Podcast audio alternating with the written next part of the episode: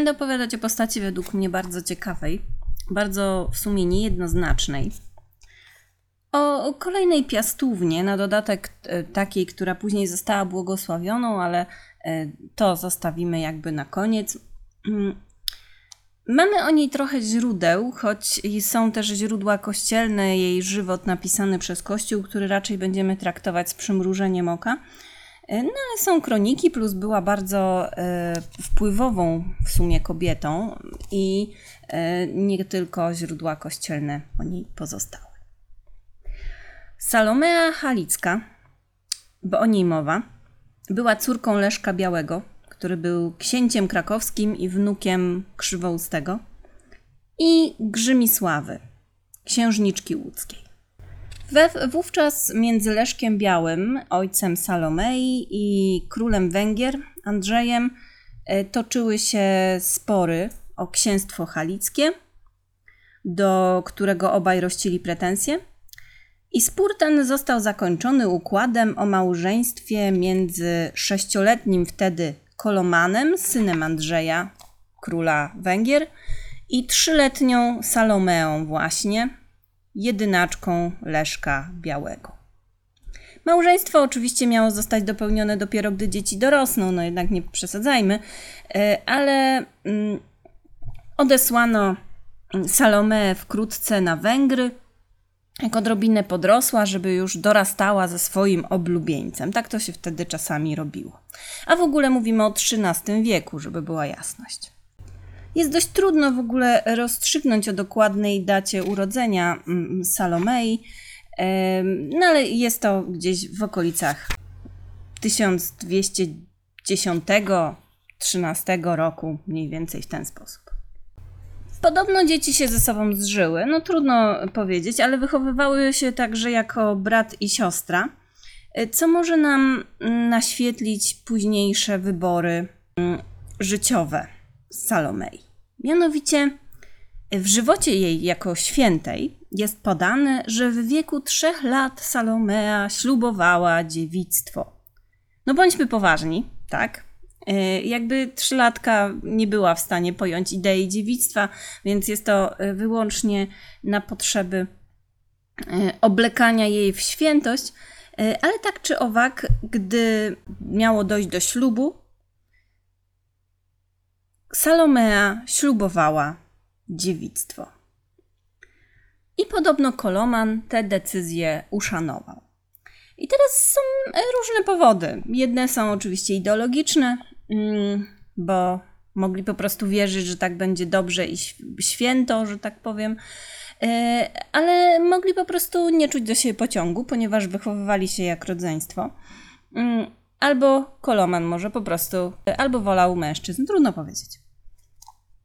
W każdym razie oboje się na ten układ zgodzili i po przyjeździe na Węgry Salomea ubrała się w strój wdowi, ażeby w ten sposób zademonstrować stan dziewiczy, w którym zamierzała wytrwać.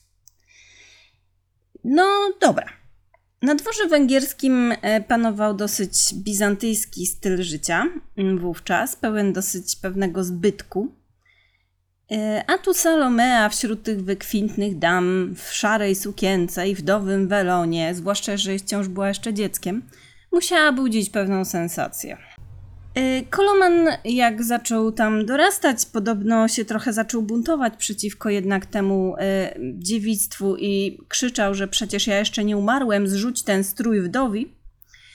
E, I troszeczkę zaczynało mu to przeszkadzać.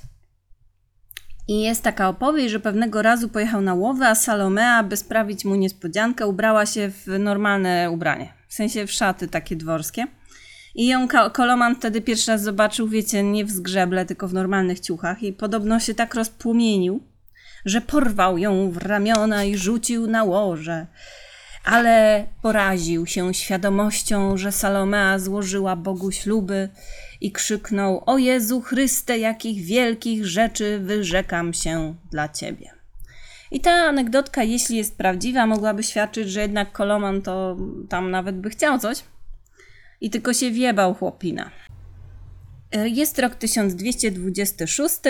Tatuś Kolomana, król Węgier Andrzej wydziela mu prowincję na Węgrzech, Kroację, gdzie przenosi się młoda para.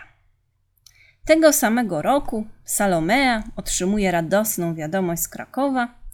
Jej rodzicom rodzi się upragniony następca tronu, który dostaje dynastyczne imię Bolesław. Do tego, do Bolesława jeszcze dojdę. 10 lat później umiera król Andrzej II, król Węgier, tość Salomei. Tron po nim obejmuje starszy brat Kolomana. I ta królewska para, ten starszy brat męża Salomei, ma same córki. Jedną z nich, druga, drugiej, druga z kolei córka, ma na imię Kinga. I ta Kinga, o trzy lata starsza od następcy polskiego tronu, Bolesława, według Salomei musi zostać jej bratową. I tak to będzie ta święta Kinga, o której na pewno wiecie. Niestety występuje taki moment, że królowa Maria, mm, matka Kingi, nie jest zbyt chętna na to małżeństwo. Ponieważ Polska wtedy e, składa się z rozbitych na dzielnice ksiąstewek, gdzie panują małe książątka. E, no i nie jest to specjalnie dobra partia, taki Bolesław, mm, który, no wiecie, no specjalnych wpływów w Europie wówczas nie ma, bo rządzi tylko jakimiś małymi skrawkami ziemi. Salomea jednak postanawia nie dać za wygraną. Salomea e, przebywała czasami na dworze węgierskim i opowiadała się za małżeństwem Bolesława i Kingi. Bolesława, późniejszego Bolesława Wstydliwego, oczywiście. W żywocie Kingi, tym kościelnym, czytamy, że Salomea uprowadziła Kingę, e, zamkniętą w koszyczku i wysłała do Polski. E, ale no, to prawdopodobnie nie jest prawda. Wiemy jednak, że na pewno Maria matka y, świętej późniejszej Kingi, mm, nie lubiła Salomei. Były one mniej więcej w tym samym wieku, zarówno matka y, Kingi, jak i Salomea. I być może trochę rywalizowały ze sobą, być może rzeczywiście chodziło wyłącznie o względy polityczne. Jest też druga wersja, że y, Salomea tak omotała Kingę, że ta sama zgodziła się na potajemne uwiezienie jej z Polski, uważając to, że będzie to niezwykła przygoda. W związku z tym z własnej woli uciekła w skrzyni do Polski. Być może coś z tej ucieczki było, co dokładnie trudno powiedzieć. W każdym razie Kinga przybywa do Polski po staraniach Salomei. Czy to był podstęp, czy własna wola, trudno powiedzieć, ale na pewno wiemy, że Maria była zagniewana że córka udała się do Polski i wpadła w straszny gniew, i Salomea y, też musiała uchodzić z Węgier. Królowa Maria, matka Kingi, obwieściła, że gdyby Salomea powróciła na Węgry, y, nie mają jej spotykać żadne książęce honory, a wszelkie rozmowy z Salomeą mają być zakazane. Salomea stwierdziła, że no bez przesady, trzeba stawić czoło bratowej, i ją przebłagać. Wróciła więc na Węgry, zabierając ze sobą z powrotem Kingę, a piac od nowa, nie? I swojego brata Bolesława. I z, z, upadły na, na kolana przez matką Kingi, mm, połodała jej rózgę, prosząc, by ta własnoręcznie wyna, wymierzyła jej chłostę. Bardzo dramatyczna to scena. Y, królowa podobno darowała jej winę i zgodziła się na małżeństwo Kingi z Bolesławem. I jest to bardzo ładna opowieść, mm, jednak wydaje się jednak opowieścią bardziej mityczną niż prawdziwą.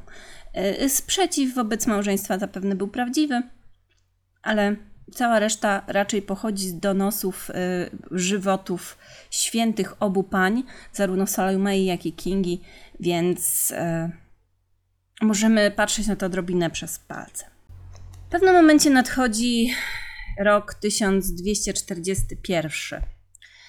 Gdybyście nie wiedzieli, to dla Europy był to dosyć trudny czas.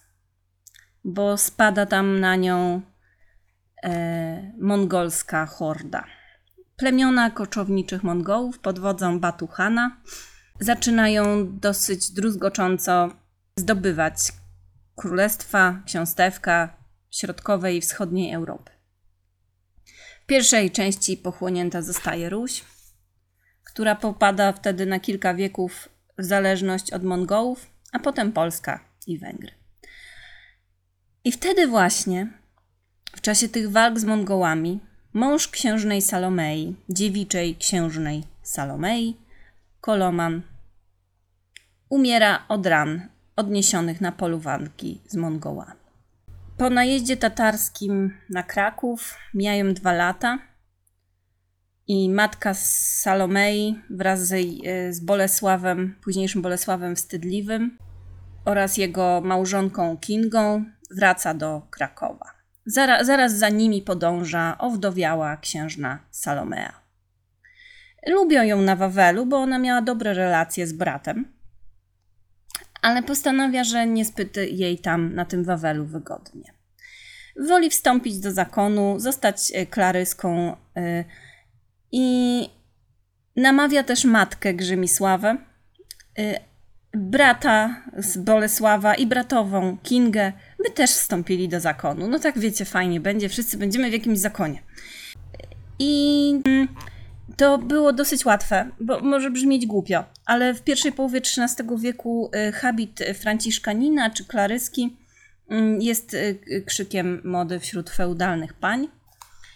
Y, taka religijność jest bardzo wtedy pożądana.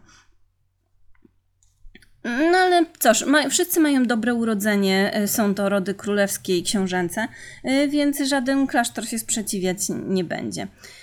W roku 1245 mm, w Sandomierzu prowincjał o imieniu Rajmund obleka Salomę w habit klaryski, a biskup krakowski Jan Odrowąż wyświęca ją na mniszkę, wkłada jej na głowę welon, co jest oficjalnym potwierdzeniem jej dziewictwa, jako że dekret papieski zakazywał Y, nakładania welonu na wdowy i kobiety, co do których dziewictwa żywiono wątpliwości.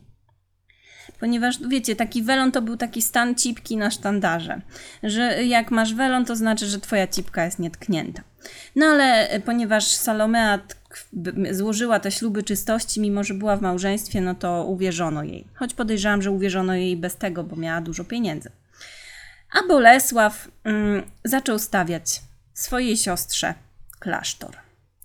Saloma wybrała sobie zawichost. Budowa klasztoru trwała skromne lat 10 i w dwa lata po uposażeniu klasztoru w Zawichoście Salomea przeniosła się do Skały. To jest pod Krakowem, mm, gdzie wśród lasów ojcowskich znajdował się zameczek zwany Grodziskiem. Ten, to Grodzisko to był taki grudek zbudowany przez Henryka Brodatego.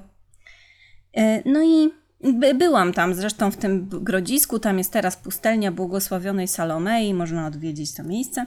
E, I e, tam Salomea wzniosła tam własnym kosztem mały klasztorek. I teraz tak, Salomea była bardzo sprawną e, gospodynią klasztoru. Była bardzo obrotna. Klasztor przynosił olbrzymie dochody, także dzięki bliskim stosunkom z dworem krakowskim przynosiła dochody nie poprzestając na darowiznach, ale kupiła dla klasztoru trzy wsie mm, od swojego brata Bolesława, no wygodne, nie? I jego żony Kingi. Kupiła e, wieś baranów mm, w ziemi krakowskiej od pewnej wdowy e, i umiała bardzo dbać o swój klasztor. E, to pokazuje pewną obrotność, oczywiście także wpływowość Salomei, nie ma co tutaj do, do tego żadnych wątpliwości. Mniszkom żyło się bardzo zamożnie. Zresztą e, przeno, przenosiny Salomei z Zawichostu do skały wynikały także z, powodu, z najazdów tatarskich, e, bo siostry w Zawichoście nie były zbyt bezpieczne zresztą tam wymordowano trochę klarysek y, w klasztorze w Zawichoście, właśnie Tatarzy wymordowali i Saloma dlatego między innymi przeniosła się do tego grodziska, y, do tej skały, do okolicy skały. To tak na marginesie. każdym razie nic dziwnego, że kiedy Salomea, mając lat około 57, mm, zachorowała. Siostry musiały być bardzo rozpaczone, bo Salomea była niemalże gwarantem ich powodzenia. Spisała ostatnią wolę. W klasztorze zresztą spędziła ponad 20 lat. Zadbała o to, by pomnożyć dobra materialne klasztoru, zabezpieczyć byt yy, swoich mniszek. Przekazała swoje majątki klasztorowi. Było tego bardzo, bardzo dużo. Dla większego znaczenia testament Salomei został zaopatrzony y, nie tylko pieczęcią Salomei, ale także pieczęcią Bolesława Wstydliwego i biskupa krakowskiego, którzy mieli brać na siebie obowiązek dopilnowania, by wszystkie postanowienia testamentu Salomei weszły w życie. Prawie wszystkie źródła notują śmierć Salomei pod rokiem 1268. Salomea umiera jest to zdarzenie bardzo bolesne dla klarysek skalskich, które choć dostają y, olbrzymi mm, spadek po Salomei, w który wchodzą nie tylko dobra klasztorne, ziemie, klejnoty, ale także mnóstwo y, sztuki użytkowej, y, że się tak wyrażę. Także mnóstwo kielichów ksiąg, także, bo Salomea była dobrze wykształcona, które zresztą oddała pod opiekę te wszystkie przedmioty e, siostrze, która również miała na imię Salomea, e, która była księżniczką piastowską, także stryjeczną siostrą Salomei, córką Konrada Mazowieckiego. No one tam wszystkie tam, e, te możne panienki w klasztorach się dobrze miały. No i co robią siostrzyczki, kiedy Salomea umiera? Otóż, żeby dalej czerpać z jej świętości i dobroci, dobrze byłoby dążyć do beatyfikacji zmarłej. No, bo wtedy będzie kult e, świętych. Kult świętych jest bardzo dochodowy. A że Salomea umiera w opinii świętości, bo w małżeństwie zachowała dziewictwo i chodziła we włosiennicy, zresztą podobno miała trzy włosiennice, każdą na różne okazje. Jedna z nich znajduje się zresztą jako relikwia i pamiątka historyczna u klarysek krakowskich po dziś dzień. E, I podobno spędzała oczywiście całe dnie na modlitwie i tak dalej, i tak dalej. No ale mm, po jej śmierci pojawiły się plotki. Nie wiem, czy to była prawda, czy wyłącznie plotki. Możemy założyć, że plotki, trudno powiedzieć. Ona, Saloma, nie wyglądała na kogoś, kto by się tam jednak e, skusił, że jej stosunek do jej wieloletniego spowiednika, z którym spędzała długie godziny, mm, nie był taki niewinny. I ten, ta plotka z, spadła na klaryski dosyć dramatycznie, no bo to mogłoby przekreślić szansę na e, beatyfikację e, i na kult e, świętej siostry, co by no jakby odpędziło od nich darczyńców. Ten spowiednik miał na imię Olbracht, był braciszkiem i Inny z braciszek z tego samego zakonu, brat Rainer, zaczął właśnie poddawać wątpliwość czystość relacji Salomei z bratem Olbrachtem. I co wtedy wymyśliły klaryski? Nienka siostra Julianna powiedziała, że we śnie przyszedł do niej święty Franciszek i święta Klara. Prowadzili ze sobą Salomę i Salomea jej we śnie przemówiła: Powiedz bratu Olbrachtowi, że nie obaw, że by nie obawiał się swoich przeciwników i że dozna pocieszenia, czy jakoś tak. W, ka w każdym razie chodziło o to, że Olbracht jest niewinny jako Talelia. Bardzo to wygodne i jak się pewnie domyślacie, wszyscy w to uwierzyli, bo przecież taka siostra Julianna by na pewno nie kłamała. I oczywiście na pewno było to prawdą. Na co odpowiada brat Rainer, który oskarżał y, Olbrachta, że jemu się też ukazała we śnie Salomea. Taki pojedynek na sny się teraz odbywa. I powiedziała, że Bolesław i Kinga być może będą mieli dzieci. Bardzo to do, dokładne, nie? I że y, co masz, że do Olbrachtowi ma do przekazania tylko tyle, że mnie kiedyś obraził. No i mamy drugi sen, pojedynek, nie? Na to przychodzi brat y, Olbracht i leci do mniszek i mówi: Macie wymodlić się u Matki Bożej odpowiedź Salomei, czym ją też obraziłem. I co wtedy? No nie wiemy, bo e, w treści żywota brakuje wtedy paru stron, ale mm, wiemy także, że pojedynek na sny prawdopodobnie trwał dalej i wyniknęło z niego, że brat Olbracht i Salomea byli niewinni. E, Jest to szalenie śmieszne, tak naprawdę. Skończyło się na tym, że e, Salomea później, w późniejszych wiekach już e, została błogosławioną. Nie znam się na różnicy między błogosławioną, świętą i tak dalej. To wszystko pozostawiam. Wierzę, jak ktoś chce wierzyć, niech wierzy. Nie moja to sprawa. Tak czy siak Salomea była bardzo wpływową osobą i doprowadziła do małżeństwa brata z Kingą. E, Kinga później również będzie miała duże wpływy, być może o niej też kiedyś coś nagram, bo w sumie czemu nie?